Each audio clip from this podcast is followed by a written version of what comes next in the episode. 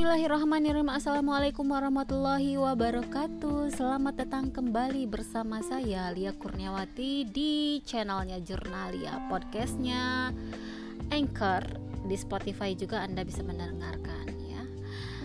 Jurnalia yang akan membahas tentang berbagai macam hal Tentang bisnis, insight uh, pengembangan diri, kemudian pendidikan, kesehatan, cinta, motivasi, inspirasi dan sebagainya. Kali ini saya akan membahas tentang uh, waktu ya, waktu yang akan kita jelang.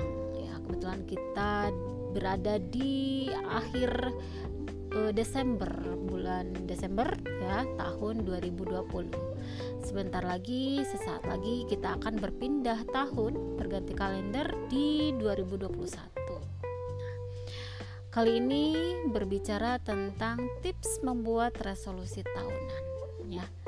Resolusi tahunan mungkin Anda sudah mempersiapkan Anda ingin menjadi apa, meningkatkan apa, kemudian mau ke mana, banyak sekali kehidupan-kehidupan kita yang satu tahun ke depan mudah-mudahan kita mendapatkan umur yang panjang sehingga diberikan kesempatan lagi untuk bersilaturahmi dengan teman-teman, keluarga, kemudian bisa menjelajah dunia ya. Oke, okay, tips membuat resolusi tahunan ini uh, awalnya saya buat karena resolusi tahunan yang namanya tahunan ya mindsetnya wah setahun gitu ya. Ketika kita membuat di awal Januari uh, resolusi tahunannya ya masih sampai ujung di Desember gitu. Wah masih lama gitu. Nah ketika menetapkan di awal sampai Desember rasanya masih lama dan kesannya sering kali menunda. Lah masih lama ini kok gitu ya. Masih Januari kok masih Februari makanya tidak heran ketika banyak sekali dari kita yang berprofesi sebagai marketing. Nah bisa disimak dan diamati ya sama kita bahwa banyak penjualan numpuk di akhir tahun seperti memberikan diskon dan sebagainya gitu ya. Di supermarket pun atau di mall-mall gitu ya. Entah mungkin sekarang masih berlaku atau tidak karena mungkin hmm, musim pandemik masih uh, berlangsung oke okay, nah kehidupan yang seperti itulah yang tidak numpuk di akhir. Karena the power of kepepet itulah yang menjadi kebiasaan kita ya.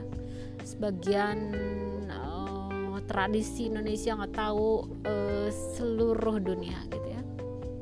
Nah, setelah berbagai macam buku, kemudian mentor yang saya ikuti, saya mendapatkan satu insight baru ya bahwa kita bisa menetapkan goal visi di awal tahun kemudian supaya kita tidak sering menunda dan mencapai goal yang kita inginkan baik itu secara finansial uh, kehidupan keluarga, pendidikan, spiritual uh, dan lain sebagainya itu bisa tercapai dalam hitungan minggu.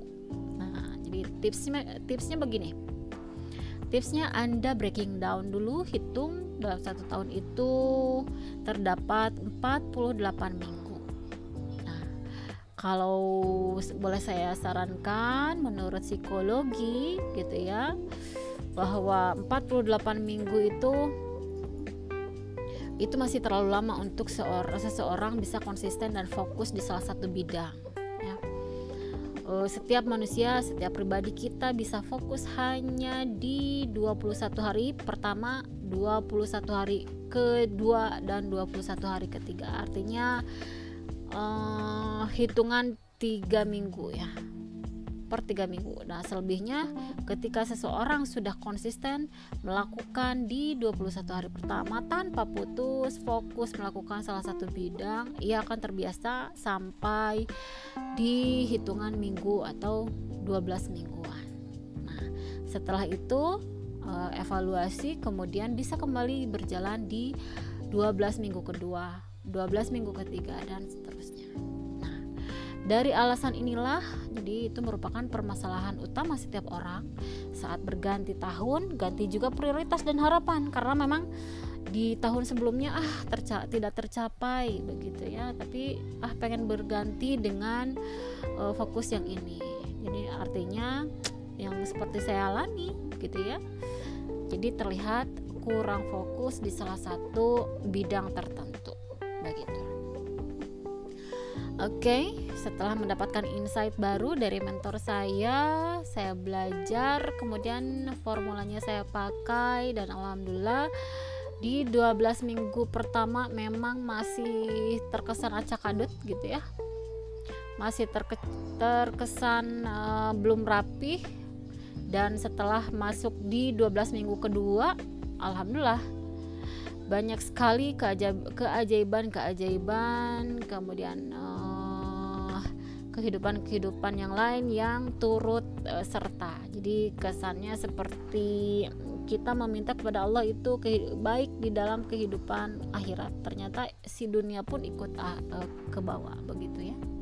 Nah, ini pun sama begitu kita ketika kita fokus di salah satu bidang ternyata uh, imbasan-imbasannya ternyata terbawa dan alhamdulillah banyak sekali perubahan-perubahan yang saya dan ini saya tularkan untuk Anda mudah-mudahan memberikan uh, pencerahan. Jadi tipsnya yang pertama kita split sync dari satu tahun menjadi 48 minggu dan Anda tentu, uh, tentukan dulu goalnya.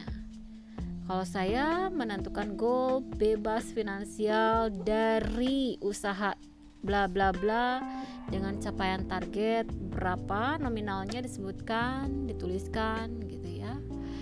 Untuk um, membiayai pengeluaran tahunan saya gitu. Nah itu salah satunya ya. Kenapa kehidupan finansial menjadi prioritas utama? Karena secara logika kehidupan spiritual pun membutuhkan finansial ketika kita mau zakat, ketika kita mau sodako, itu pun membutuhkan finansial. Ketika masuk ke ranah kehidupan pendidikan pun sama. Jadi, uh, apalagi di Indonesia, pendidikan masih belum sepenuhnya tak ditanggung oleh pemerintah, ya.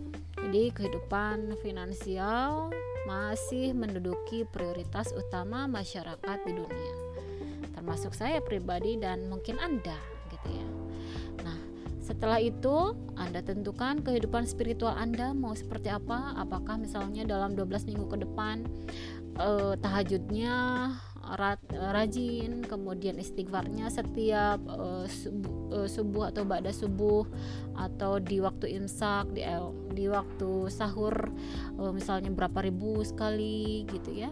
Kemudian sholat duha, tahajud, hajat, istiharoh gitu ya. Itu dituliskan. Kemudian kehidupan percintaan, keluarga juga dituliskan.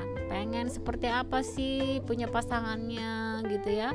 Dituliskan detail seperti orang Turki mungkin yang ganteng-ganteng ya gitu ya.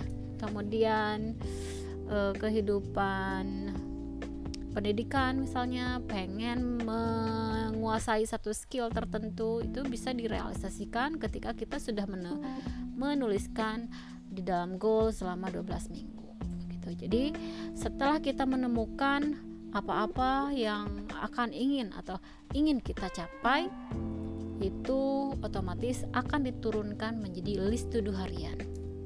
Ketika kita misalnya mau menguasai hmm, uh, seni musik uh, gitar mungkin ya. Gitar dalam 12 minggu saya mesti bisa ngapain nih gitu. 12 minggu oh berarti saya mesti latihan tiap hari tiap hari kalau misalnya 24 jam saya terlalu berat. Dibagi lagi misalnya karena saya hmm, karena saya harus bekerja kemudian saya harus uh, mengurus keluarga dan sebagainya saya cukupkan satu jam per hari dikali 12 minggu misalnya itu sudah sudah harus expert. Di hari pertama saya belajar grip apa di hari kedua grip apa dan sebagainya. Insya Allah nanti ketemu di ujung 12 minggu akan mendapatkan satu skill baru. Begitu ya. Oke okay, itu mungkin uh, sharing session pada malam hari ini bersama saya di channel Jurnalia podcastnya saya Lia Kurniawati. Semoga memberikan insight baru buat Anda yang akan menetapkan resolusi tahunan di 2021 nanti ya. Baik, jika ingin ada yang didiskusikan silakan chat melalui WA saya di 08 22 16 40 27 uh, itu saja mungkin ya yang bisa saya sharing hari ini.